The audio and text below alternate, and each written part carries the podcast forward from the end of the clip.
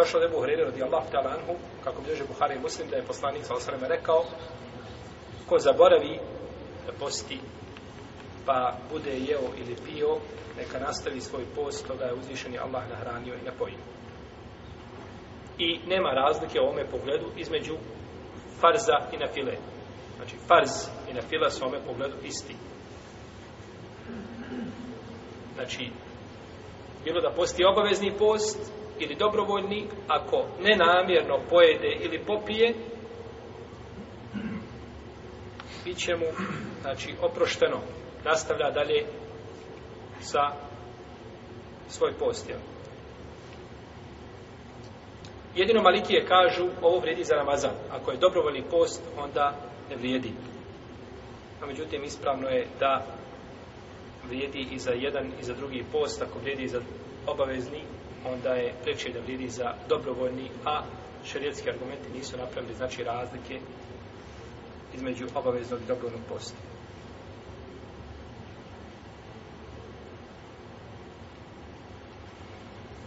Čovjek koji je jeo, ovdje autor kaže, jelo je ono što uđe prirodnim putem u tijelo. Rekao je što uđe u želudac kroz usta. Zašto je rekao kroz usta? neće kroz ovo, je tako? A, molim? da će drugo, kroz usta. Ko će kroz usta? A zašto rekao kroz usta?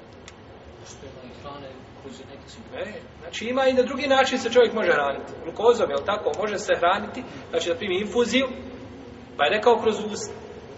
Pa razumijemo iz autorovih riječi da znači injekcije koje bi bile znači hranjive ne bi šta pokvarile post. To bi se moglo razumjeti iz njegovih riječi. U svakom slučaju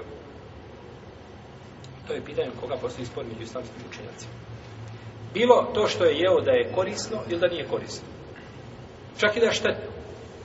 Znači nikakve razlike nema u tome. Šta god čovjek da pojede, sitnica, veće ili manje, nema razlike. Šta god da se pojede, ovaj, čak da ne koristi i da gladne utoli nema veze. Smatra se, znači, eh, od stvari koje kvare post. Ako Ovdje kada jede i pije, kada govorimo ovaj, jede i pije i zaborava. A kada bi spolno općio i zaborava. Prvo, to je teško da se desi, jel tako? Ali nije nemoguće. Je tako? Nije nemoguće. Čovjek ustane ujutro prvi dan Ramazana, nikad ne posti mimo Ramazana. I prvi dan Ramazana, i na kraj pamet, I on je Hanuma zaboravio. Može se desiti čovjeku. Kada je propis? Je li isti kao kod jela kod pića? Nije. Nije. Mora šta? Ne mora da Isti je Šta je stvar koja je koja je više pari post? Jelo i piće ili odnos? Jelo i piće. Pa ako je to kod jela i pića zaborav, što ne bi bio i kod odnosa?